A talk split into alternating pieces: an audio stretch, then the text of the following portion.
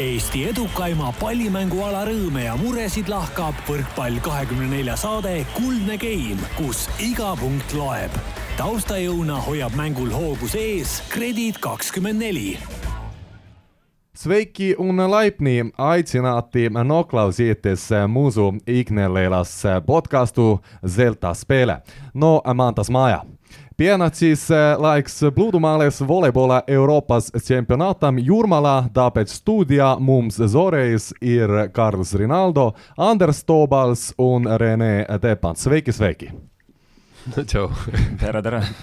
Ehk siis tere tulemast kuulama meie Kuldse Game'i saadet ja et Jurmalas on käima lükatud äsja teisipäeva pärastlõunal, mil me seda saadet hakkame lindistama. Euroopa rannavoole meistrivõistlused, siis alustame tänast Manta Maja saadet läti keeles koosseisus Karin Aldo, Andres Toobal ja Rene äh, Teppan. tervitused ka eesti keeles. tere, tere! tere, tere! kuulajatele lihtsalt ütlen, et meil käivad äh, mehed saates ikkagi kahe trenni vahelt, Tallinna Selveril hommikune treening sai läbi, õhtune ootab ees. Rene, mis te hommikul tegite? Hommikul oli selline kergemat sorti siis individuaalne töö nii-öelda natukene. sidet käisid seal tõstmas, harjutamas, ilmselt äh, oli ka seal mingit juttu, mind ennast ei olnud kohal, Andres teab paremini rääkida, aga aga siis oli selline kaitse, kaitsehommik, kus, kus siis treenerid tagusid peale nii-öelda. jaa, väga hästi öeldud, kaitsehommik, ega diagonaalides ja kaitsehommikul polegi eriti midagi teha, et siis äh, hea on need treenid vahele jätta. Neil just on on, kus parandada, jah. jube head on. aga äh, et meil on tänane saade jälle natukene teistsugune ja veel huvitavam kui võib-olla muidu, siis äh, ütleme tere tulemast neljasaja kilomeetri kaugusele Tallinnast. nimelt kõnetraadi vahendusel on kuulda Rivo Vesik Jurmalast Euroopa meistrivõistlustelt. äsja peaks ta olema sinna jõudnud, tere Rivo sulle! Tervist, tervist! ütle, milline on esiteks äh, ilm Jurmalas, kas selline kuurortlinnale vastav, kolmkümmend kraadi, päike paistab, inimesed on rannas, kõik on mõnus? jah, kusjuures praegu on väga hea ja soe ilm, aga, aga siin tulevane ilmateade näitab, et ikkagi, ikkagi tuleb sügis peale ülehomme, et aga praegu on väga mõnus, praegu just jalutan sinna ranna poole ja, ja lähen katsun oma asjad kõik paberitega, igasuguste asjadega korda saada, mis siin vaja ajada on. no täna peaks tõesti olema kakskümmend kraadi Jurmalas sooja, aga ülehomme näitab siis kaksteist kraadi, vihmasadu. Äh, ütle, Rivo, kas sellised, nii, Rivo leidis seal kohaliku juba naisterahva üles, kes naised. nii nüüd vastu, vot pole kedagi nii kaua aega näinud, siis kõik tulevad vastu ja tahavad rääkida, et äh, Vene koondis mängijad ilus elu on sul ikkagi, Rivo, seal äh, Venemaa rannavalla koondises, eks ole? noh, siin on, tegelikult kui ma nüüd päris ausalt teile ütlen, siis äh, see, mis siin äh, toimub nagu välisel vaatlusel on üsna selline, noh, ta ei ole mingi spordiga nagu väga pistmist. kõik on oma, oma maskide ja asjadega käivad ringi ja kõik noh, hoiavad omaette, et mingisugust suurt, suurt suhtlemist ja asja ei toimu. et äh, väga, väga, väga tõsised äh, igasugused piirangud on peale tõmmata. kas ütleme, maailma või Euroopa siis kõik paremad tuuad on kohal, on see tänaseks juba selge ja kindel, et äh, homme hakatakse alagruppe mängima meeste seas siis täpselt nii, nagu kavas on kirjas? Äh, jah, on selge, kõik on kohal ja hakatakse mängima, aga aga siin juba käivad jutud, et osadel mängijatel on ikkagi mingid testid olnud positiivsed, et äh, jutud käivad kahest-kolmest mängijast, nii et, et ei tea, mismoodi ja kuidas see nüüd siis homme välja tuleb, et ma loodan, et neil kõigil on kõik hästi. aga, aga et kui peaks tulema muudatused, et kuidas see muudatus siis välja näeb, et äh, ma ei, ma ei kujuta ette seda Äh,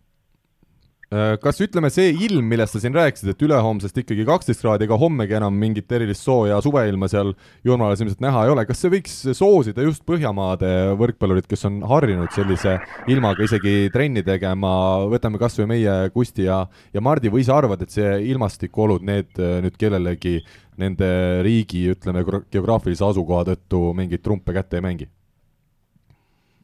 Jah, see Euroopas ei, ei ole nii hull, et kui mängida brasiillaste või näiteks ameeriklastega, siis nendel võtab küll vihmasadu ja igasugused tuuled ja asjad võtavad nagu tuju rohkem ära, et aga Euroopas seda nii väga ei ole, ma arvan, et, ma arvan, et see väga ei muuda, et et siin peab ikkagi ilma, ilma ja vihmaga on see, et kes, kellele, kes nagu ei lase ennast sellel kõigel segada, siis tema jaoks ei ole vahet, aga kes oma peas paneb selle nagu kuskile tähtsale kohale, siis nende jaoks on igal juhul raske, aga, aga ma arvan, et siin selliseid mehi ei ole, et EM-finaali nii, nii naljalt ei pääse. et viimasel hetkel Tatriku nime ei ole mõtet üles anda? tuule ja siin ei ole nii tuul, nii, nii tuuline ei ole siin. kahju. muidu oleks võinud anda küll, jah. aga Rivo, kuidas publikuga lood on? Eestist me teame siis, kuna peaks kaheks nädalaks karantiini jääma, siis väga paljud võrkpallisõbrad on loobunud EM-ile minemisest, samamoodi minule tuli eile siis kui meedia esindajale kiri, et et ikkagi erandeid ei tehta, olgugi et tööreisiga see justkui ju tegu oleks, et kui ma oleks sinna läinud, oleks pidanud samuti kaheks nädalaks jääma karantiini hiljem ja ja seetõttu ma tean ka näiteks Kusti ja Mardi Kustist ja Mardist dokfilmi tegev äh, siis võttevõistkond, võttemeeskond otsustas veel eile, et, et EM-ile ei mindagi ja jäädakse hoopis koju, et sellised sündmused, kuidas publikuga lood on, kas siis lätlasi, ütleme ikkagi sinna publikusse lastakse ja atmosfäär vähemalt teleri vahendusel võiks olla ilus või? jah, lätlasi lastakse, ma arvan küll, et siin ei tohiks sellega probleeme olla, ma pole veel randa jõudnud, aga, aga ma arvan, et äh, neil ei ole mingeid piiranguid peal. siin äh, olen näinud, ma ei tea, kas nad on nüüd siis võistkondadega kuidagi seotud või, või, või kas nad on üles antud siis võistkondade nimekirjas või midagi, aga noh, praegu nägin just norrakaid, et norrakatel olid siin äh, emad ja mingid inimesed ikka kaasas, et et äkki on tehtud sohki, ma ei tea. aga, aga niimoodi jah, niimoodi ei, ei lasta sisse äh, inimesi. mm. -hmm. kuigi ma pean päris ausalt ütlema, et Eesti numbriga autosid äh, liikus Riias päris palju ja ka siin Jurmala vahel kolm-nelja Eesti numbriga autot ikka olen näinud. no aga võib-olla see on nii, et eestlased käivad Lätis seda kangemat kraami ostmas ja siis lätlased nagu vastutasuks käivad seda autoaktsiisi nagu Eestisse toomas, et ostavad Eestist kõik autod no nad, nemad siin, ma tean seda, et nad ostavad Venemaalt, oh.. et selles suhtes äh, jah, aga, aga Eesti numbriga autosid näha on, et võib-olla mõned eestlased ikkagi siia, siia kuidagi saavad tulla vaatama. aga mingi reegel oli, et kui sa kaheteist tunni jooksul nagu läbid, Siis võib. siis võib, aga läbid kuidagi teise ringiga, käid korraks äh, Poolas või ma ei tea, kuskil ära või Leedus ja tuled uuesti tagasi niimoodi, et saad kahel päeval vaatamas käia ikka. ma päris ausalt ütlen teile, et egas, egas nüüd seda kontrolli siin üleliia ei olnud, et ma hommikul bussiga tulin ja bussis ma täitsin ühe paberi ära, aga Riias astusin rahulikult maha bussi pealt, egas ei kontrollinud siin, mind pole veel keegi kontrollinud, isegi hotellis, kui kui oli see jutt, et ööbida ei tohi, siis hotellis ei küsitud ühtegi küsimust, et mis ja kuidas ja miks, et eh, võib-olla sellepärast, et mul oli see Venemaa, Venemaa kohver oli käes, et kui, kuigi vaadates numbreid, siis see peaks olema veel hirmuäratavam kui Eesti pass praegu. aga aga, aga jah, nagu suuri küsimusi ei ole olnud siiamaani, et vaatame, mis tuleb, et äkki keegi helistab või tuleb mingi kontroll mingi hetk. no mina mõtlen ka, et ega piiri peal ju sellist, sellist kontrolli ei ole, et kõik inimesed peetakse kõik autod kinni ja vaadatakse, kes seal on ja märgitakse üles, millal nad üle piiri tulid, et see tundub natukene rohkem selline südametunnistuse värk, kuigi kindlasti mingit pistelist kontrolli seal tehakse, aga samas, kui sa võtadki Airbnb kaudu näiteks omale Jurmalasse ööbimise, tundub jah, selline väga küsitav, et kas nüüd öö, väga tõsiselt seda kontrollitakse, aga meie asi kindlasti ei ole propageerida nüüd seda piiridevahelist liikumist sedasi, nagu seda tahe, teha ei tohiks. nii et Rivo, tuleme turniiri juurde, mulle tundub, et sul on järjekordsed Läti sõbrad seal kuskil vastu tulnud, aga kolmkümmend kaks paari ja meid ikkagi Eesti võrkpallisaatena huvitab see, Kusti Nõlvak, Mart Tiisar alustavad EM-i siis homme A-alagrupis peaväljakul kell kaksteist lähevad vastumisi kohaliku tippduo Aleksandr Samoilovsi ja Janis Šmedintsiga. ütle, Rivo, kas sina näed seal meie meestel võimalust? Äh, kindlasti näen jah, kindlasti näen, et äh, Kusti Mart ju tegelikult on nendega lätlastega mänginud väga hästi, et et mitte ainult äh, Samuel Smedintsiga, aga ka Plavin Stoksiga, kes minu arust on täna, tänasel hetkel nagu tugevamad. aga, aga noh, päeva lõpuks äh, EM on ikkagi selle aasta põhimõtteliselt ainuke suur turniir. et siin tuleb jälle mängu see, et kui nüüd keegi hakkab seda enda jaoks üle tähtsustama või, või liiga nagu suureks mõtlema, et siis see kindlasti saab takistuseks, et äh, mina, mina arvan seda, et lätlastel tegelikult peaks olema raskem mängida praegu kodus just ja suurturniiril kui mm. -hmm. kui Mardil ja Kustil nende vastu. nii et kas isegi sedasi viiskümmend, viiskümmend või kuuskümmend, nelikümmend meil äh, Mart ja Kusti võitsid siin MK-etappi ka, vahepeal muidugi see MK-etapi tase Vilniuses ei olnud äh, teab mis kõva, nii et sealt nüüd meeletuid järeldusi teha oleks ilmselt vale, aga, aga kuidas sa protsentuaalselt näeksid seda vastasseisu homme? Alagrupi siis esikoha mängule pääsu eest see, see käib? no ma pakuks viiskümmend, viiskümmend pigem, et kuuskümmend, nelikümmend kindlasti mitte ja ja eks need äh, alagruppides teisel ja kolmandal kohal asuvad võistkonnad, nad, nad on kõik enam-vähem viiskümmend, viiskümmend, et on väga vähe alagruppe, kus on teine-kolmas koht on nagu keegi võiks öelda, et on kellegist väga palju tugevam mm. -hmm. et neljandad kohad on juba osad, kus on mingid Läti noored sees ja, ja, ja veel selliseid, siis, neid on nagu nõrgemaid, aga aga siuksed alagrupi esimene, teine ja kolmas üldiselt ikkagi on võimelised kõik kõiki võitma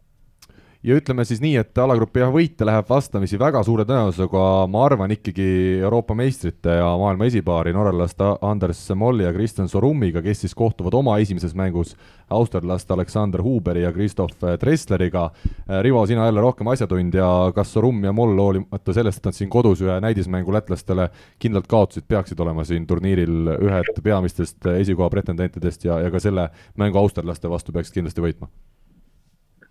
Jah, kindlasti, et äh, siin mina paneks kaheksakümmend, kakskümmend või isegi üheksakümmend, kümme selle protsendiks, selle mängu võidu protsendiks, et mm. kuigi ma pole austerlasi näinud, aga, aga eelmise aastaga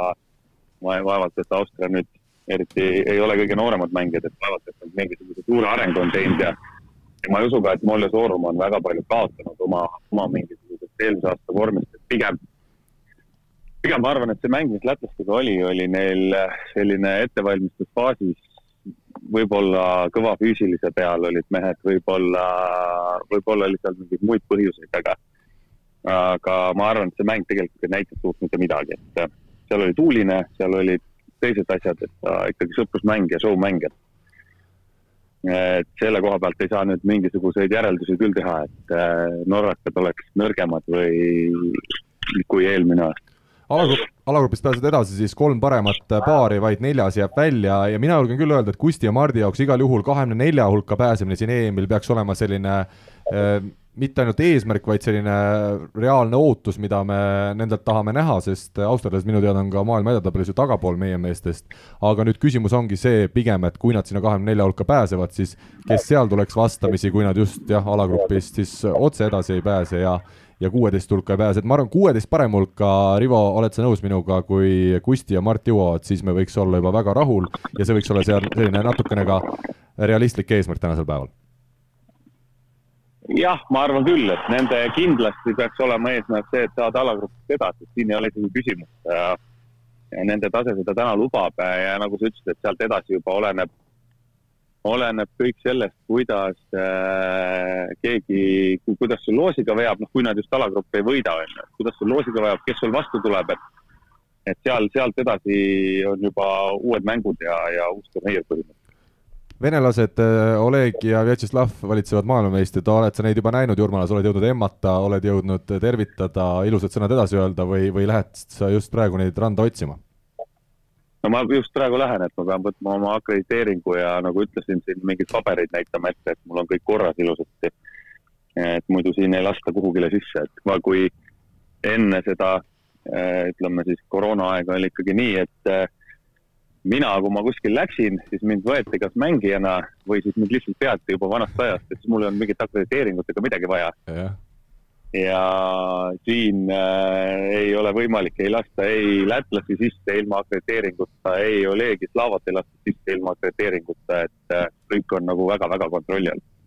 selge, ja, ja Oleg ja Vjatšeslav on korralikus vormis, lähevad nad äh, EM-tiitli järele?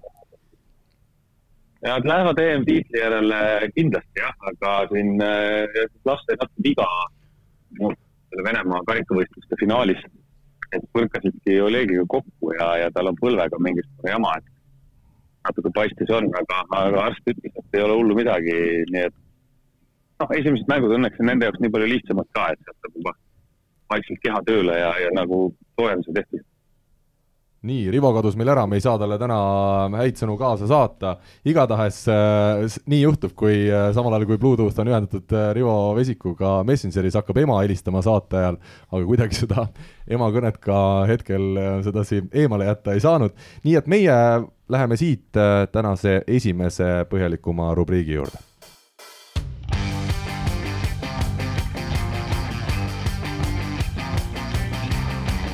Läheme oma saatega nüüd siis omasoodu edasi ja ütleme veel nii palju, et tegelikult kui Rivo oli meil Jurmalast täna liinil telefoni teel, siis Urmas Piik hetkel on liikumas töölt samuti meie saate stuudio poole, nii et äh, Urmas saab ka täna käe valgeks loodetavasti ja, ja esimesed sõnad siin välja öeldud siis saate alalise tegijana, teda me ootame ja see oli kõik ette lepitud ja kavatsetud nii, et me alustame tänast saadet ilma temata ja tema tuleb siis poole pealt juurde, aga nüüd tänane esimene siis äh,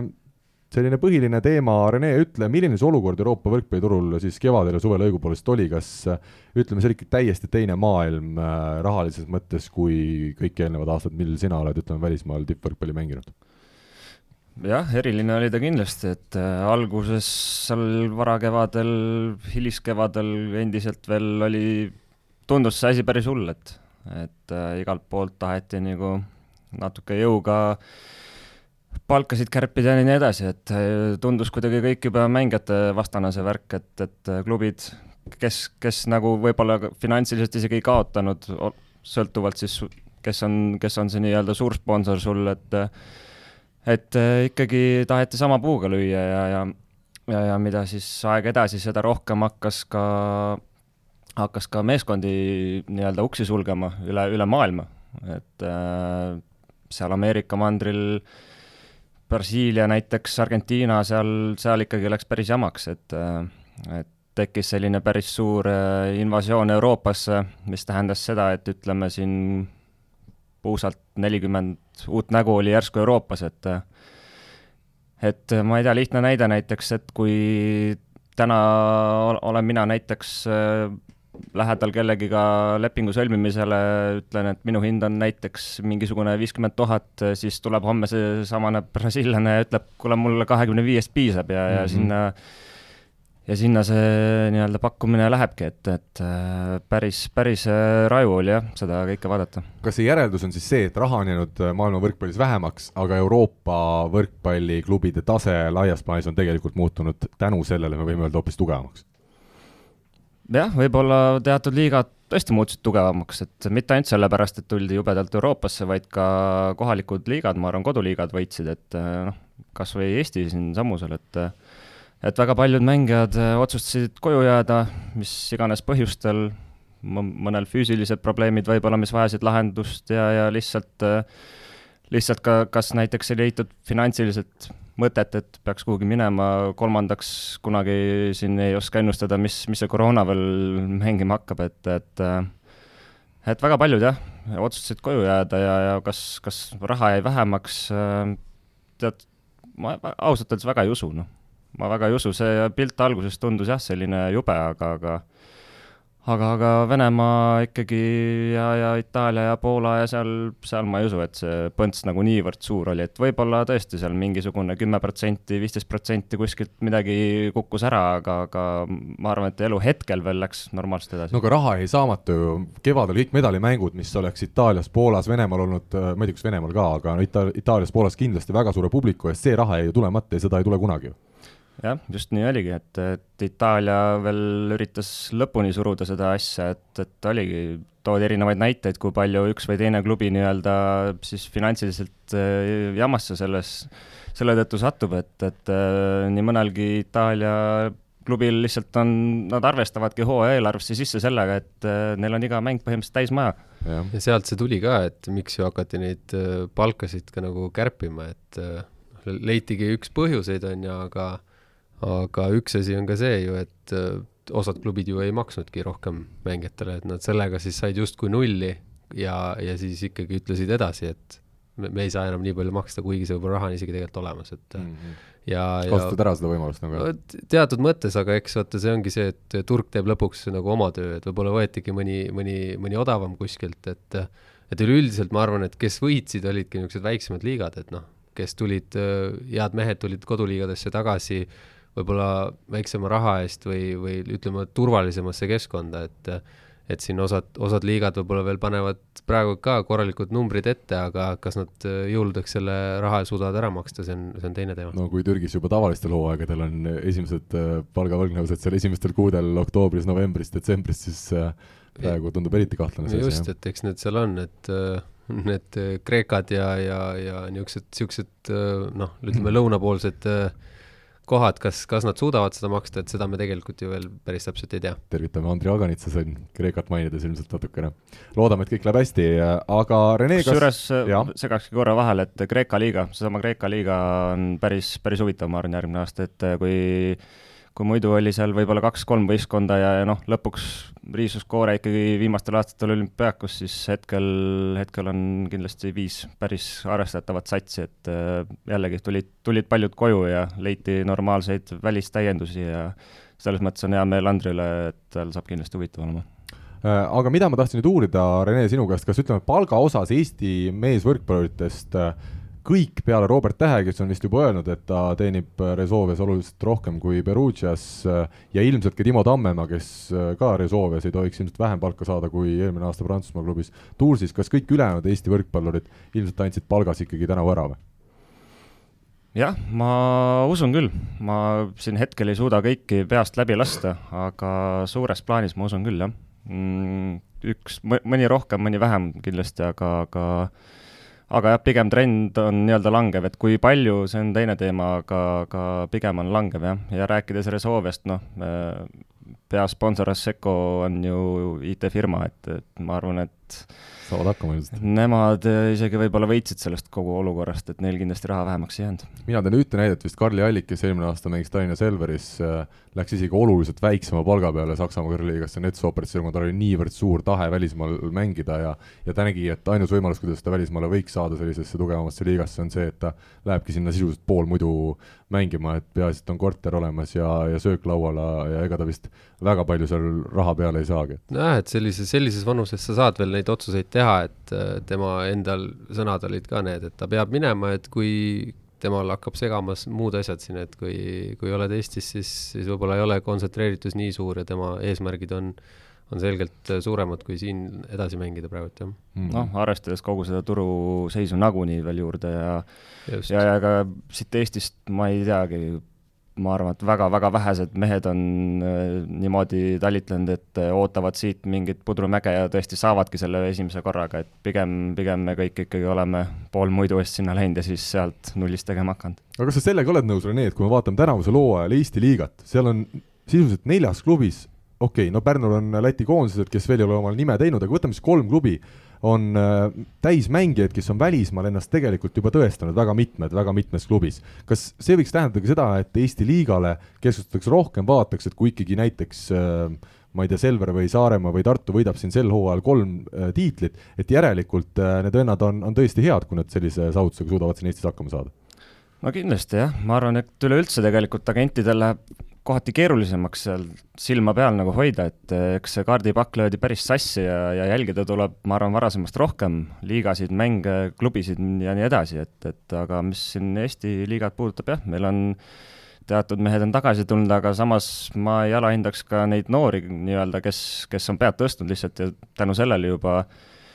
juba seda liiga taset nagu tõstnud, et, et kas või seesama näiteks Tartu, et väga-väga okeid äh, noored on neil ja, ja kas või Albert Hurt, äh, Tammearu ja, et sealt noh, nad lihtsalt ei ole veel jõudnud oma, oma asju teha seal välismaal, et küll nad jõuavad. kuidas sul endal seis on, aus vastus on ikkagi see, et rahaliselt andsid siin Selverisse tulles mitmekordselt ära võrreldes eelmiste hooaegadega? no jaa, kindlasti jah, et et kindlasti andsin ära, jah. aga kas see vastab ka tõele, et kodus elamine on ikkagi oluliselt soodsam või, või on just välismaal sul, nagu me just siin Karli puhul rääkisime, et vähem, vähem tegevust ja, ja raha kulub ka vähem äkki või no,? tead, see sõltub, kuidas sa ise majandad, et sa saad välismaal tegelikult ikkagi väga-väga ökonoomselt ka hakkama, et äh, sul on ju põhimõtteliselt äh, ainus kulu, mis sa, mis sa seal nii-öelda ise maksad, on internet, noh üldiselt ikkagi sul on klubi poolt võimaldatud auto, korter ja noh, isegi vahest on söök sees, et, et no põhimõtteliselt sa saad väga väikse summa eest seal hakkama, kui sa natukene ise kaasa mõtled ja, ja päris äh, nii-öelda puusata ei pauguta seal söömiste ja asjadega, et, et noh, tegelikult saab väga ökonoomselt välismaal hakkama kuidas seda tänavust hooaega vaadata eestlaste vaatenurgast, kas see on, Rene, sinu hinnangul nagu murekoht, et nii paljud eestlased tulid tagasi koju ja ütleme näiteks meistriliigat mängib tänavusel hooajal vaid äh, Mart Juhkem, kuigi eks seegi, et üks mees on meistriliigas, on ju tegelikult äh, tore ja, ja tubli saavutus, aga, aga kuidas, kas sa näed seda nagu probleemina või see üks aasta ei ole midagi erilist ja hullu? mina ei näe tõesti probleemi, et äh jah, see on nüüd päris huvitav fakt, et meil on ainult üks mees äh, meistrite liigas, et me oleme juba harjunud, et viis-kuus meest on seal vähemalt, et ja naist. et aga, aga ei, ma tooks lihtsa näite siinkohal, et äh, ütleme, oleks näiteks läinud kuskile äh, mängima kuskile Lähis-Idasse, et äh, noh, jah, rahaliselt loomulikult sa oleks kordades parema võib-olla pakkumise saanud, aga igapäevatingimused, eluolud, trenni kvaliteedid, noh, liiga tase kindlasti ei, ei kannata võrdlust, ma arvan, ka Eesti siin top neljaga, et et seal on kahe mehe show'd enamasti ja ülejäänud noh, see mängupilt ja see värk on seal ikkagi pigem halb, et et kindlasti ma ei näe probleemi, meil on siin Eestis ka väga korralikud tingimused, saalid ja, ja, ja meeskonnad, kellega siin madistada, et ma ei, kindlasti ei näe probleemi ma mäletan, Olli-Pekka Ojansivu eelmine aasta, kes Tartus kontrollturniiril ütles, et me mängime koolivõimlates seal Soomes kõik mängud ja siis on Eestis on suured spordisaalid, et oleks neil ka nii, siis äh, hakkasidki äkki mõtlema, et tõesti, meil on vähemalt need saalid on korralikud. minu arust tänavune aasta Eesti liigas just selles suhtes erinev, et meil on väga kõvad peatreenerid, Rainer Vassiljev välismaal töötanud suurt, suures liigas, nüüd Poolas, eks ole, ma juba varasemast tean, et ta on väga, väga korralik treener, Eesti mängijad teda hindavad, Saaremaal on Janis Kalmasiidis, mees, kes on välismaal ennast tõestanud ja kelle treeninguid olen ka ise näinud ja jälle mängijatelt kuulnud, on väga tõsised professionaalsed, ütleme, selle arengu taha ei tohiks küll midagi jääda, et nüüd treeningud on kehvad või, või pahad võrreldes välisklubidega, pigem ma julgen isegi öelda, et mingisugused Rum Rumeenia liigad või, või võtame siin Šveitsid, et, et seal võib olla hoopis kordades kehvem see treeningute tase, kui siin näiteks Vassiljevi, Kalmasiidise, Alar Rikbergi, miks mitte Kaavo Keele käe all noh, Šveitsiga võrreldes kindlasti jah, Rumeenia puhul pigem, pigem Rumeenia on nagu Rumeenia on tegelikult korralik koht. ei ta on korralik, aga ma mõtlen selles suhtes, et ütleme, need treeningud, mida meie peatreenerid, keda ma äsja ette lugesin, nad kindlasti ei tee halbu treeninguid võrreldes ütleme, rumeenlastega. seda kindlasti, seda kindlasti jah, et äh, kvaliteeti on meil siin korralikult ja, ja see ei ole see ei ole ainult nendele nii-öelda mängupildile hea, vaid see on ka nendele noortele ülimalt hea, kes võib-olla siiamaani ei ole saanud võimalust äh, nii kõrge kvaliteediga treeneritega nagu nii-öelda koostööd nagu teha, et, et vaatame kevadel, kes pead on tõstnud, ma usun, et neid tuleb kuidas nüüd selle publikuga lood on, me siin rannavõrkpalli EM-ist rääkides publikul juba peatusime, lätlased peaksid sinna kohale saama minna, saavad ka mujalt, aga peavad siis arvestama teatud piirangutega. samal ajal ma ütlen, meil on jõudnud uksest sisse Urmas Piik, Urmas võtab istet, me paneme tema mikrofoni käima ja mulle meeldib see värk, kuidas me seda saadet teeme, et äh, kui keegi tuleb uksest sisse, me anname talle klapid, me paneme talle mikrofoni ette, me ei tee mingit pausi, me ei hakka midagi välja lõikama, me natuke muigame siin ja Urmas, ütleme sulle tere! no tervitus! sa tead, millest me räägime? Absoluutselt, võrkpallist. võrkpallist, täpselt nii, ja praegu meil on siis ütleme, majanduslik olukord, äh, rahaasjad klubides Euroopas, Eestis, oleme seda asja arutanud ja ja milleni me siis äh, praegu siin viimati jõudsime. et Eestis väga halb ei olegi. Eestis väga halb ei olegi, et Urmas, me oleme heas kohas elamas ikkagi. olen täiesti nõus. aga mida me siin viimati arutasime, publiku teemat arutasime ja Rene, kas sa oled nüüd kursis, kas kõik liigad, Euroopa suuremad liigad lähevad praegu ilma publikuta käima sinna? Poolas juba tegelikult ju läks käima liiga ma ütlen ausalt, ma ei ole sada protsenti kursis, ma olen näinud ühte Itaalia liiga mängu, samamoodi täpselt seda Poola teemat, et äh, kindlasti seal mingid piirangud on, ma arvan, et seal saalis on, on inimesed natuke hajutatud, eraldatud võib-olla, aga, aga jah, ütleme, piirangud ilmselt mingil määral tulevad, aga eks nad ikkagi üritavad,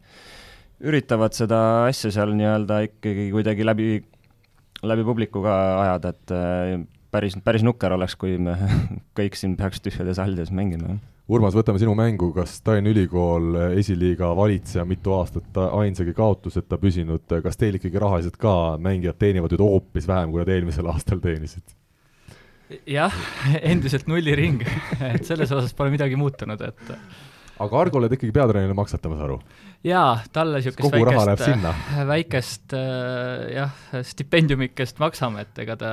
kindlasti raha pärast seda asja ei tee, et äh, suured summad äh, mängus ei ole kuidas teil publikuga Tallinna Ülikoolis lood on, kas äh, ütleme, mahuvad kõik toetajad sinna varumeeste pingile istuma või, või on teil rohkem vaja saaliruumi? no ikka rohkem oleks vaja, et meil siin üsna värskelt sai Tallinna Ülikooli uus saal valmis, et äh, eelmine hooaeg jõudsimegi ühe kodumängu vist seal pidada või kaks, et äh, et jubedalt tahaks, et publik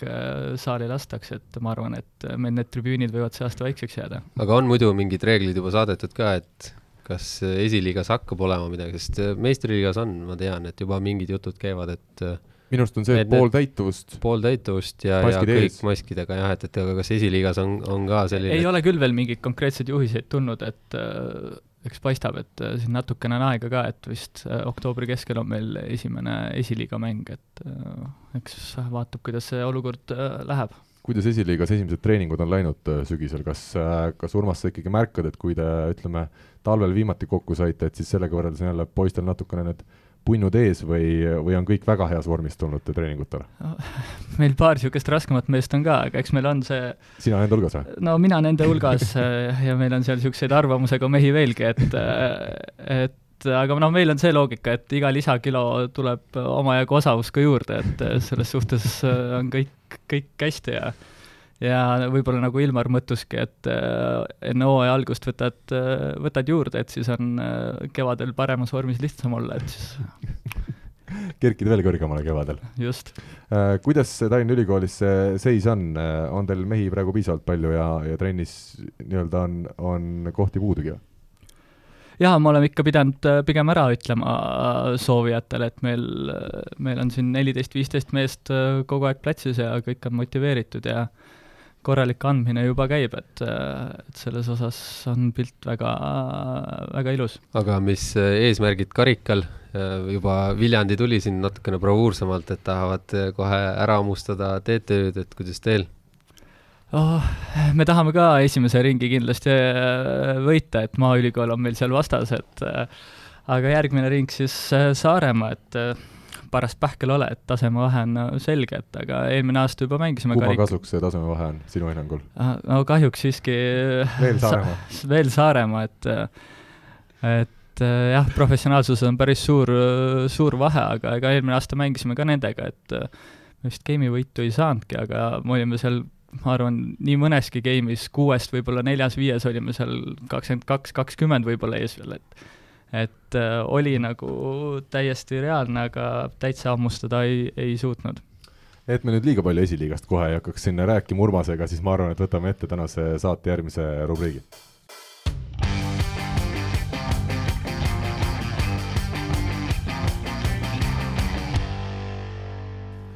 nädalavahetusel toimus siis pealinnas Tallinna karika kontrollturniiri, kus osalesid meestest Tallinna Selver, Tartu Bigbank, TalTech ja esiliiga meeskond Viljandi. esikoht läks Selverile, kes võitis siis poolfinaalis kindlalt Viljandit ja finaalis kolm-üks Tartut. meil on siin kaks võitjat meeskonnas, kas laupäeva õhtul läks ikkagi ütleme, selline suur meeskonnasisene pidu ja pillerkaar lahti, et, et selline tiitel sai kohe Tartu ees ära võetud? jah, seesmiselt pidu Se. sisemine pidu mm? -hmm. ei vaevalt, et siin mingit pidu oli, aga aga korralik turniir, jah. ma arvan küll, et äh, võib-olla esimene mäng mitte nüüd kõige säravam, aga, aga teine mäng juba oli, oli väga-väga korralik, et äh, sai päris, päris hästi sellest mängujoonisest kinni ja, ja ei oskagi nagu väga midagi öelda, et et ei olnud ka seda, et äh, oleks Tartu kehvasti mänginud, Tartu mängis päris hästi, aga, aga me suutsime,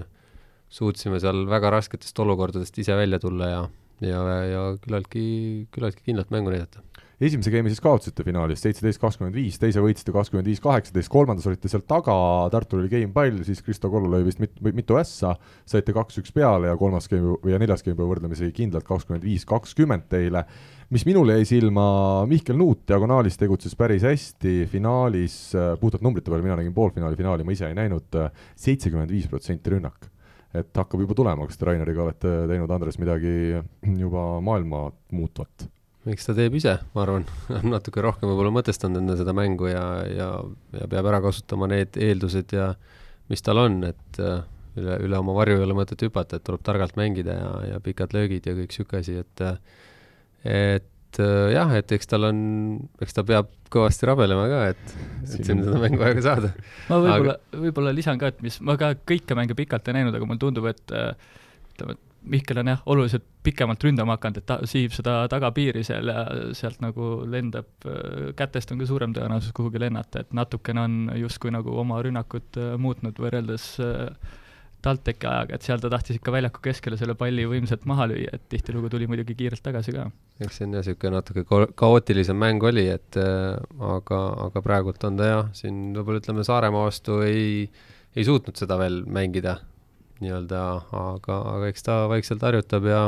ja ma arvan, et see on see tema, tema viis, kus, kuhu ta poole ta peab edasi minema Rene, sina olid esimest korda vist Selveridades siin natuke pikemalt väljakul, poolteist geimi poolfinaalis, siis äh, Viljandi vastu mängisid, üheksast tõstest kuus võit maha, kuuskümmend seitse protsenti, kaks ässa veel juurde, kokku kaheksa punkti pluss seitse. kas äh, mulle jäi õige mulje, et sa tegelikult hoidsid oma õlga ikkagi veel küllaltki kõvasti, et sa päris täiega ei, ei mänginud? tegelikult äh, iseenesest see tunne ei olnudki halb, aga, aga eks, eks ta on vaimselt ka natuke keeruline jah, et, et äh, noh, eesmärk hetkel ilmselgelt on ju nädala lõppudeks nii-öelda mängu valmis saada, et et need nädala algused on natukene kangutamine olnud siiamaani ja, ja ja, ja eks,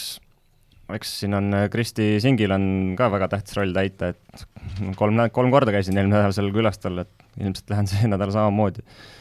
aga, aga jah, need numbrid numbriteks, see minu jaoks ei mängi erilist rolli siin hetkel, et äh, pigem on äh,, pigem on meil vaja aega just sidemängijega, et äh, ilmselgelt on natukene nii-öelda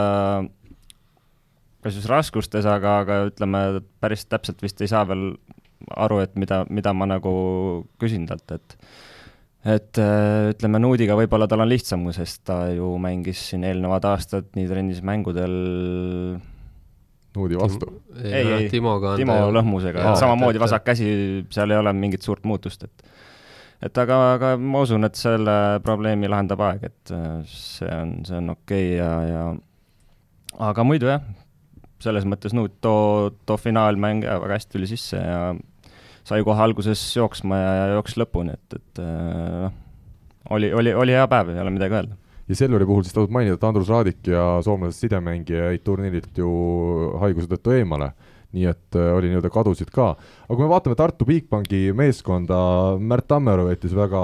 väga hea mulje poolfinaalis siis TalTechi vastu seitseteist punkti pluss kaksteist ja äh, finaalis teie vastu viisteist punkti pluss kolmteist. Natukene nagu üllatav minu jaoks, kõige parem mees on see, kes on terve suve olnud kuskil metsas ja, ja trenni pole saanud teha, et, äh, et väga-väga hästi justkui poleks ära olnudki jah, eks ta tuli hästi sisse ja, ja võib-olla ei osanud kohe reageerida, aga, aga ei, ma arvan, võib-olla tal oligi seda väikest puhkust vaja, et, et siit, kuigi see väike puhkus oli nüüd pool aastat peaaegu, aga, aga, aga eelmine hooaeg oli natukene võib-olla oot-, ootused olid suuremad, kui, kui see lõpptulemus oli ja ja tuli selles mõttes hästi peale ja loodame, et puhtalt tema enda pärast, et, et ta selle koha seal võitleb tagasi endal ja, ja, ja saab palju mänguaega, sest noh, selge on see, et tema on ka üks nendest tulevikumeestest, keda me loodame siin koondises näha ja nagu tegusid tegemas. Ja üks asi, millest me siin saates oleme rääkinud pea iga nädal, et Tartu meeskond on hea niikaua, kui neil kõik mehed on terved ja finaalis siis Alex Saaremaa meeskonna temporündaja ja ikkagi võib öelda, et eelmise aasta karikafinaalist alates ka üks selline põhitegijaid, vigastas siis sõrme, täna on sõrm kipsis, peaks minema siin paari päeva pärast äh, uuringutele, et kui tõsiselt see sõrm siis veel viga sai, aga aga võib-olla päris pikk mängupaus teda ees ootamas, nii et tartlastel juba selles suhtes natukene keeruline, enne kui hooaeg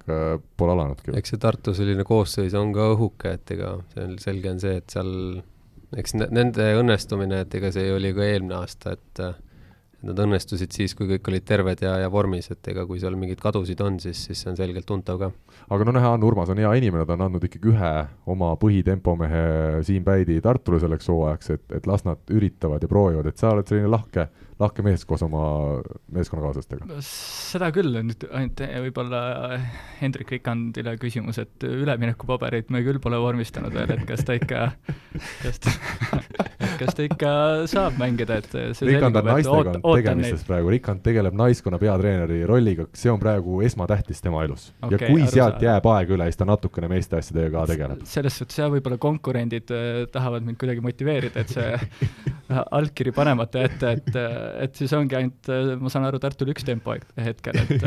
et aga ei, nali naljaks, et äh, ma arvan, et Siim saab väga hästi äh, meistriliiga tasemel taas, taas hakkama ja kindlasti korralik täiendus Tartule minu küsimus on päris ausalt, ma ei tea, kuidas need üleminekuid käivad, mis see ongi, sest paber on lihtsalt, kui tuleb allkiri panna või te saate reaalselt mingi raha Siimu eest või? ei, noh, see on jah, pigem niisugune formaalsus, et et äh, mingit äh, raha me tema, tema eest kindlasti ei, ei küsi, et äh, minu jaoks natukene bürokraatia ja, ja selles osas on ka võib-olla ütleme, Võrkpalliföderatsioonis need süsteemid natukene vananenud ja ta- tasuks võib-olla värske pilguga vaadata, et kuidas neid iga-aastast paberimajandust teha, et kohati on see üsna tülikas aeganõudev ja, ja päris täpselt ei saa aru, et milleks, mida tehakse kuidas Siim Põlluaar millise mulje jättis, mina vaatasin seda poolfinaali, kus äh, Tartu mängis siis äh, TalTechiga ja ikkagi oli näha sellist kogemust, et äh, ei olnud tõesti alati kõige paremini ees, aga ei läinud kõige tugevamalt lööma, vaid leidis need tühjad kohad üles ja kuigi ütleme numbriliselt Siim midagi väga erilist nüüd ei näidanud siin kahe mänguga, siis, siis mulle tundub, et ikkagi päris, päris hea täiendus. Eks jah, noh, selle turniiri põhjal raske öelda, et oli selgelt näha, et, et ega tal erilist klappi veel ei ole ja, ja ega ta sealt äh, neid niisuguseid väga jõurünnakuid äh, teha ei, ei saanud või, või ütleme jah, et, et on näha, et see vormikõver peaks ikka nagu veel ülespoole minema, et äh, ja, ja, ja sidemängijaga ka klappi leidma, et et sealt oli praegu raske, et pigem ikkagi nende, nende kogu mäng ikkagi oli oli, oli suunatud nurkadesse, et seal hästi Rainer tõi ühes mängus välja, et äh, peaaegu kaheksakümmend protsenti ühest, ühes game'is läks tõstet puhtalt nurgaründajatele, et äh, ja, ja, ja oli äkki neli läks ähm,, neli läks põllu, põlluäärele ja, ja mõni vist oli seal tempole ka, et, et, et et selge oli see, oli näha, kust Gert nagu rohkem otsis Ronald Järv eelmine aasta Andrei Oemets lubas, et hakkab ikkagi võrdselt Gert Toobaliga mänguaega andma Järvele, aga ega see Järv sinna platsile väga tihti ei sattunud, Andreiga pärast ma mäletan, vabandas äh, Ronaldi ees. ega siin sel turniiril nüüd Alar Rikberg, uus peatreener, väga teist stiili ei näidanud, Ronald sai seal poolfinaalis vist viimasest, viimast game'i alustas ja vahepeal käis seal korraks sees ja finaalis oli ikkagi, kogu mängu oli Gert väljakul, et äh, kas Ronald peabki nüüd ikkagi kaksikute kasvatamisega puhtalt tegelema äh, ka sel hooajal, kuidas teile tundub? Ma ei tea, Äl vist ei ole öelnud midagi, ei ole, ei ole, ei ole lubanud et siis, siis ei oska nagu kommenteerida. eks uus peatreener on vähe pinges ka kindlasti. ei saa lubada siin mingeid kotte kohe hooaja alguses, et kuigi juba tuli kuigi juba tuli, jah. nii et Rene, sa ennustad, et ega Alaril pikka pidu ei ole, et siin läheb kuu-poolteist ja siis on jälle hakatakse vaatama, kus nagu hea treeneri leiaks või? Rikand pidi üle võtma. Rikand, seda ma ei arva jah, et eks talle antakse aega ja, ja, ja ei ole hullu midagi, aga tulles tagasi selle Tartu juurde veel selles plaanis, et äh, kui enne Andres ütles, et ei ole nagu paksust, et õhuke sats, siis selle diagonaali puhul ma ütleks, et neil isegi natuke on tegelikult, et et ma ei ole kindel, et äh, noh, Põllukas ma olen nõus, et ta kindlasti paneb kõvasti veel juurde näha oli, et ta ei ole füüsiliselt veel valmis, et et ma usun, et äh, tähtsas mängus oleks see vangerdus ära tehtud, kus Tammearu ilmselt oleks diagonaali positsiooni liikunud, et äh, natukene selles mõttes meenutab meie enda võistkonda, et meil on ka seda vangerdamise ruumi just selles osas päris, päris korralikult. on see õige Tammeret panna diagonaali, seda on nüüd arutatud siin, et äh, kas ikka, kui me räägime sellest, mis temast tulevikus võiks saada, siis ta peaks olema igal juhul nurgas? ma olen jah seda meelt küll, et see kahe positsiooni vahel pendeldamine ei ole õige asi, et et ta on natukene, natukene võib-olla jah, hammasrataste vahele selles osas jäänud, et, et, et äh, et loodetavasti jah, Põllukas äh, saab,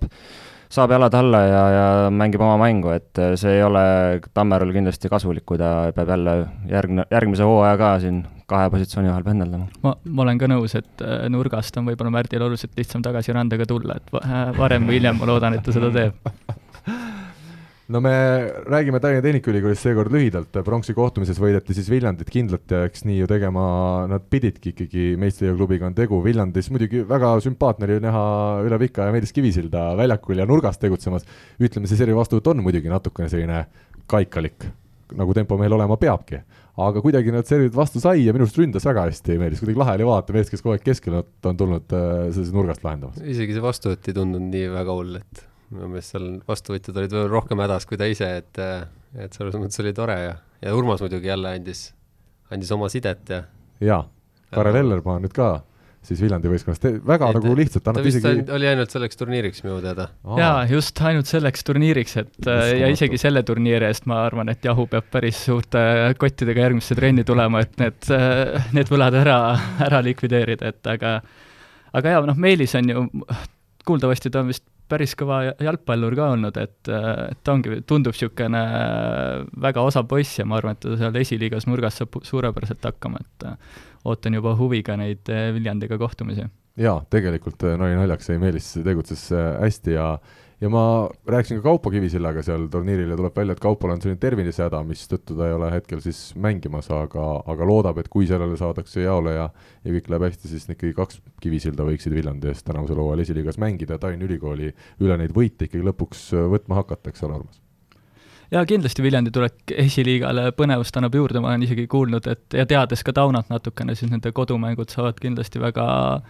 väga korralikud olema ja loodan, et koroona ka seal mingisuguseid korrektuure ei tee ja saavad seal täismaja ees esiliiga mänge pidada, et miks mitte, oleks ka päris lahe vaatepilt jah, Viljandit juhendab siis Tauno Lipp, kes äh, Tallinna Selveriga tulnud Eesti meistriks isegi sidemängijana, aga ta ise ütles, et ta ikkagi plaanib, mängida ei plaani, et tema on peatreener ja sidemängija ülesanded peavad seal teised täitma. Tallinna Tehnikaülikooli juurde pidime aga tulema. Väga lühidalt, ega siin midagi ju pikka rääkida ei olegi, selgelt äh, hetkel ikkagi meie neljale klubile, paremale klubile paistab TalTech alla jäävat, mina vähemalt usun, nii kaua, kui neil seda uut diagonaali ei tule, midagi muutuma ei hakka, Jan Õunpuu ja uus mees siis Jan Solovjov küll kohati suudavad äh, palle maha lüüa, aga sellist stabiilsusest jääb ikkagi meeletult puudu ja ja TalTechil küll, ma ei tea, kust nad need rahad kokku saavad ja, ja kuidas nad selle olukorra lahendavad, aga aga ühte diagonaali sinna juurde on vaja. jah, et me just tegelikult arutasime ka seal Rikberg ja, ja, ja Raineriga, et jah, et tegelikult Õunpuu on tegelikult päris korraliku sammu edasi. ta on edasi läinud, absoluutselt. on, on, on edasi läinud, aga, aga ma arvan ka, et hetkelseisuga see, sellest ei piisa, et neid nüüd hakata selle nelja võistkonna vastu nüüd mingitele võitudeni viima, et, et seal kindlasti oleks vaja päris, päris korralikku tu tugevdust. vot nii. no ma veel lisaks ka võib-olla natukene midagi selle TalTechi kohta, et äh, mina ikkagi olen seda meelt, et äh, on, on siin aastast aastasse proovitud noored, noored, noored, see ongi lahe, aga noored ei toimi ilma äh, kogenud meesteta, et äh, minu arust neil oleks kõvasti seda kõrvale vaja, et, et ma enda võistkonna pealtki näen, et ma, ma usun, et see meie tulek siia muutis ka nende arusaama ja, ja suhtumist kogu, kogu sporti üldiselt isegi, et äh,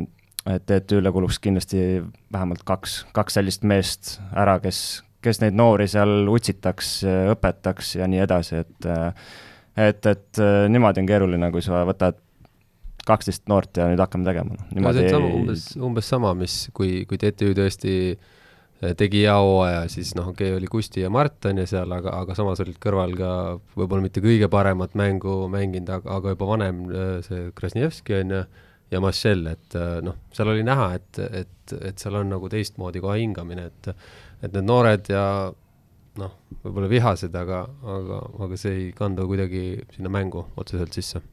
no meie kõige suurem naisteekspert äh, Rivo, Rivo Isik praegu siis äh, stuudios ei ole, aga ütleme ära, et Tallinna karika siis naistest võitis oodatult TalTech äh, Treidaus, meie koondise siis baasklubi finaalis alistati kolm-null Tartu Ülikooli, ülikool Bigbank ja, ja teises game'is väga huvitavast seisust TalTech tuli vist välja, kas oli üheksa, üheksateist või üheksa, kaheksateist et noh, see näitas ka, et Tartu küll kohati mängis väga hästi ja, ja TalTechil võis olla isegi vastuvõtul raskusi, aga kui ikkagi oli vaja, siis võideti isegi selline game ära, et see ülekaal TalTechil teiste klubide ees on suur kalli... nojah, seal tookski näite kohe, kuidas poolfinaalis esimene ja. game kakskümmend viis üks, et see on niisugune Audentes spordigümnaasium suht ebareaalne ja, number. jah, ja Nete Peit kaheksateist terve järjest lõi, kas Andres, sul on midagi sarnast elus ette tulnud? ei, ei usu ma ei, ma ei tea. seitsmenda klassi turniiril vahet saan. võib-olla küll jah, et, et siis kui servisid, kes üle sai, see sai punkti, et siis, aga ei, kindlasti. kusjuures mul on. kaheksateist, jah? ei, võib-olla see oli rohkem Marti Keel, servis too hetk ja mingisugune tsoonimäng mm. -hmm. tsoonimängud tähendasid seda, et tal oli on... kakskümmend või kakskümmend kaks või midagi siukest. jah, ja, ja minu meelest ta tegi üle E- Edgar Järvekülje ühe mingi rekordi, mis oli noh, napilt üle, ma tean, et nad sellega midagi võitlesid kunagi see on täitsa võimalik ja ta oleks ilmselt kakskümmend viis ka täis saanud, aga lihtsalt äh, Sven Saarepere otsustas ühe ületuleva palli out'i lüüa Ah. ja sinna see, sinna see läks. aga mis see tsoonimäng tähendab? tsoonimäng tähendab seda, et äh, sa võitled koha eest nii-öelda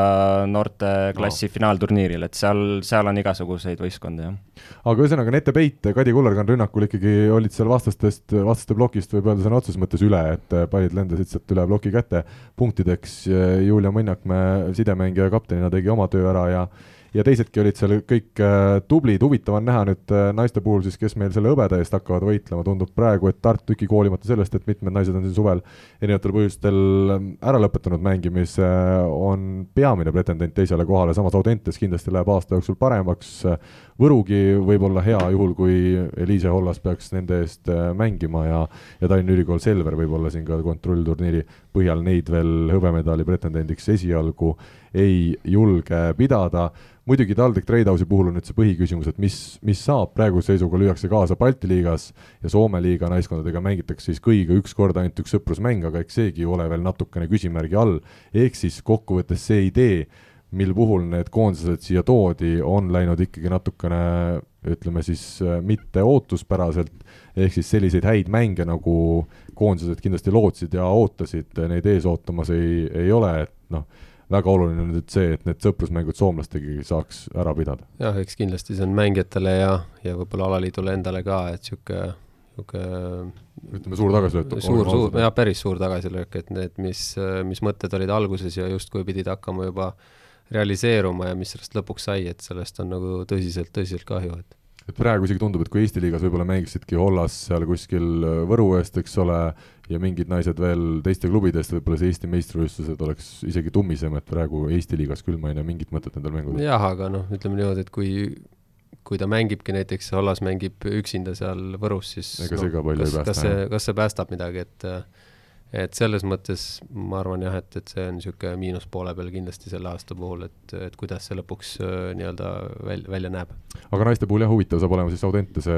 naiskonda mängimas näha, kuna Andrei Ojamets siis äh, Audentese spordigümnaasiumi tüdrukuid äh, sel aastal juhendama hakkas, Peeter Vahtra väga pikk treeneri periood siis tüdrukute puhul seal Audenteses sai läbi ja, ja vaata, mis Ojamets seal välja tuli, see algus oli üks kakskümmend viis, aga aga kokkuvõttes ikkagi need said turniirilt kolmanda koha kätte ja ja lähevad siit edasi,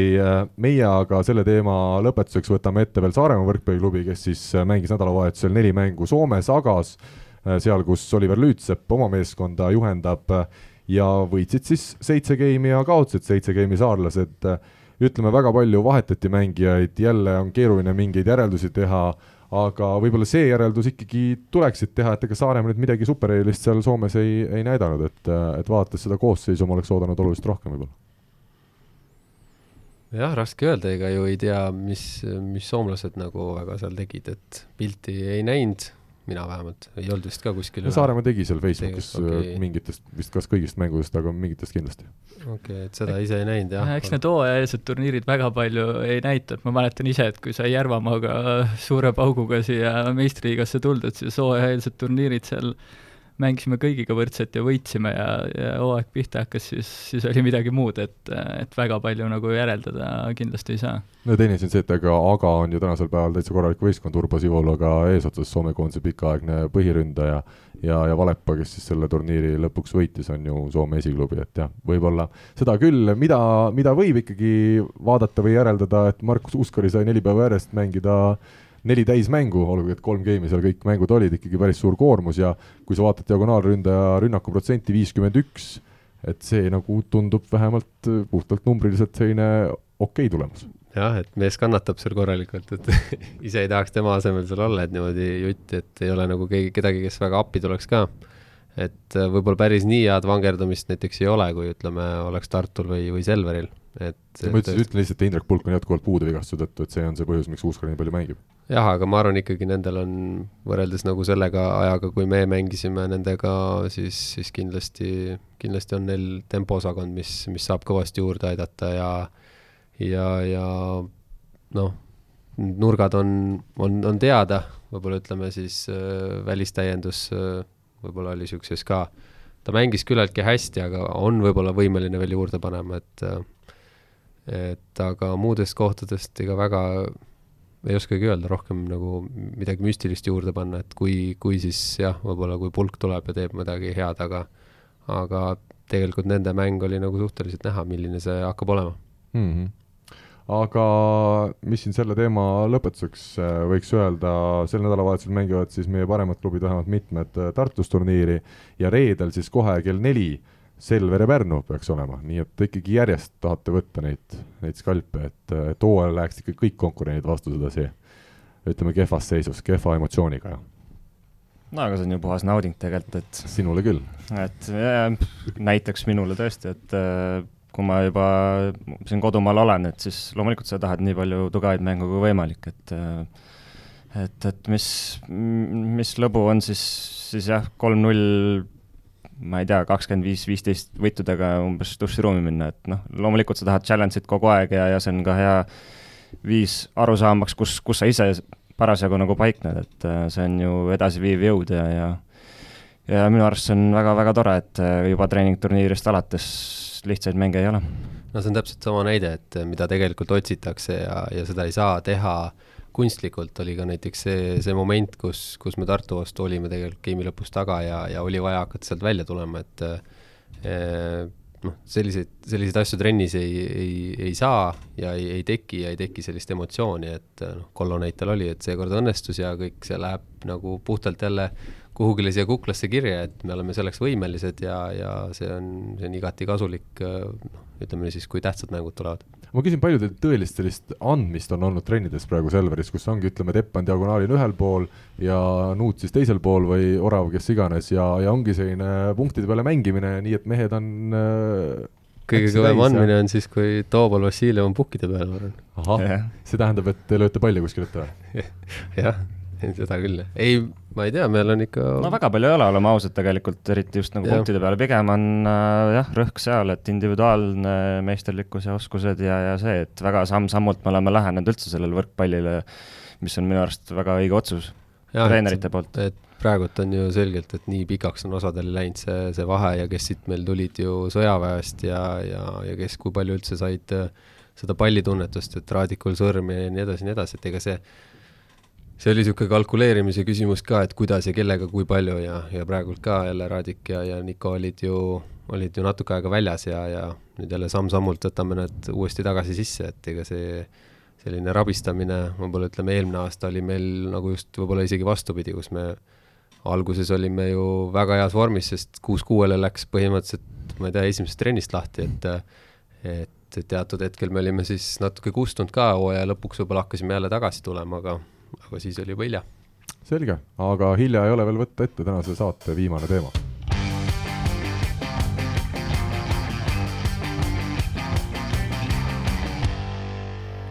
aga nüüd siis eelmise nädala, ütleme selline sportlikus mõttes ikka kõige erilisem äh, asi leidis aset Vilniuses, maailmakarikasari ühe tärni etapp, muidugi koosseis kukkus lõpuks väga, väga kitsaks, seal naistest oli vist kolmteist ja meestest neliteist paari või midagi sellist seal osalemas, et kui esialgu pidid Liisa Soomets, Leene Hollas ja Timo lõhmus Dmitri Korotkov lööma kaasa kvalifikatsioonis, siis lõpuks said kõik põhiturniirile. Ja enne veel, kui me hakkame siis otsustavatest mängudest rääkima, siis Urmas, kus jäid Piik Steinberg? seal oleks saanud praegu sellised punktid kätte, sellised pildid oleks seal tehtud ametlike fotograafide poolt, see oleks praegu olnud karjääri tipphetk võib-olla. Võib-olla tõesti jah, aga ma hoian ikka seda joont, et äh, kuskil üheski kohast peale Eestimaa poole rannavõrkpalli mänginud, et äh, et Patriot ei tule vist küll äh, spordis kasuks, aga, aga nii on läinud. külas esimene ja linna ei lähe. Just, just. Aga tõesti, poolfinaal, milline poolfinaal see oli, viiskümmend viis minutit kestnud kohtumises Kusti Nõlvak, Mart Tiisar said siis la-, äh, jagu Dmitri Rodkovist ja Timo Lõhmusest. esimene game kaotati seejuures kaheksateist, kakskümmend üks, teine võideti kindlalt kakskümmend üks, neliteist, seal ikka noortel meestel tuli natukene seda ebastabiilsust sisse kolmas oli jälle täielik triller ja viisteist, kolmteist võiduga siis Nõlvak Tiisar finaali koha tagasid, äh, nagu ka Tiisar ise ütles, et äh, noored mehed Korotkov Lõhmus suutsid mängida oma parima mängu just nende vastu kuidagi siis, kui seda pinget peal ei olnud, sest favoriidid olid ikkagi kogenumad mehed ja, ja sai ka Facebookis seda mängu täispikkuses vaadatud ja ja jätkuvalt, no Kustist ja Mardist me jõuame rääkida, aga see, kuidas Dima ja Timo mängivad, kui ilusasti nad mängivad rannavõrkpalli, kui rannavõrkpalluri likud, liigutused neil on sees, et äh, seda oli ütlemata kihvt vaadata. jaa, täiesti nõus, et äh, rõõmu teeb, et nad on ikka selle kolme kuuga äh, väga kõvasti edasi läinud, et kui siin sai Rakvere etapil neid vaadatud, siis äh, sai natukene nagu kukalt kratsitud, et neil läheb nagu päris raskeks, siis äh, tänasel päeval on ikka suur rõõm nende üle ja ja tõsi on see, et võib-olla ehk kõige paremad mängud nad ongi teinud just niisuguste tugevate paaride vastu, on see siis Mart Kusti mitmel korral või ka Plavin Stoksi vastu mängisid väga, väga ilusa mängu Pärnus, et et kohati tundub nagu, et niisugust äh, endast tugevamate vastu, eks nad lähevad äh, vabalt mängima, saavad aru, et midagi kaotada pole ja siis nad õnnestuvad äh, päris ilusti, et samas niisuguste võrdsete või isegi natuke nõrgemate vastu hakkavad naljakaid asju tegema, et et see on kindlasti koht, kus nad saavad, saavad palju juurde panna kas ütleme, see vahe ongi nii väike Kusti ja Mardiga, nagu see poolfinaali seis näitab, või tegelikult Kusti ja Mart on täna veel selgelt paremad kui Dimo ja Timo? No minu jaoks on ikka Kusti ja Mart selgelt paremad täna, aga,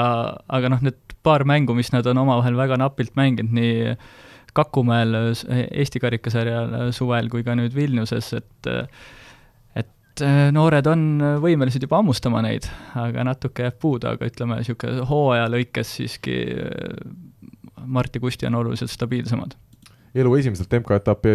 MK-etapilt siis Lõhmusele ja Korotkovile neljas koht, pronksi kohtumine kaotati väga valusalt ja napilt itaallastele, Tobi ja Marcetole ja Alberto Di Silvestrele, kes nüüd maailma edetabelis, tõsi, väga kõrgel ei ole, kuskil seal kahesajandast kohast edasi, aga jah, kõik game'id siis, nii see võidetud game kui ka kaks kaotatud, kaotatud game'i olid minimaalse vahega ehk kahe punktiga. aga tuleme nüüd siis äh,, ütleme veel vahele ära, et Helene Hollas, Liisa Soomets jäid siis naiste seas äh, jagama viiendat kuni kaheksandat kohta, jõudsid veerandfinaali, aga sealt edasi ei pääsenud ja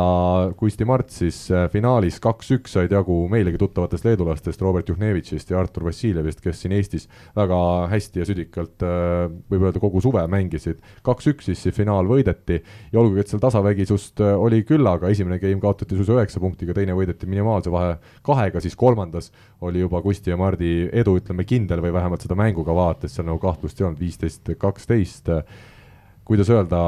Urmas, see võit vist pidi tulema, seda ei, ei oleks saanudki siin kaotada, sest see konkurents lihtsalt äh, oli, ütleme, hõre.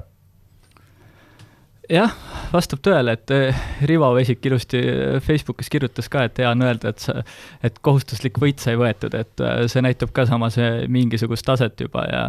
ja needsamad leedukad, tõsi, äkki käisid kahel-kolmel etapil sellel aastal Eestis ka, aga äkki nad ühtegi korda poodiumile isegi ei jõudnud, et jõudsid ikka minu arust okei okay,, ma tean, et nad äh, Kakumäel kaotasid äh, kolmanda-neljanda koha mängus soomlastele ja Pärnus äh, äkki nad tulid kolmandaks siis et kindel ei ole, aga igal juhul näitab, et kui kõva suvine karikasari meil sellel aastal oli, kui Just. maailma, maailmakarika etapil tulevad, tulevad hõbedale, aga Eestis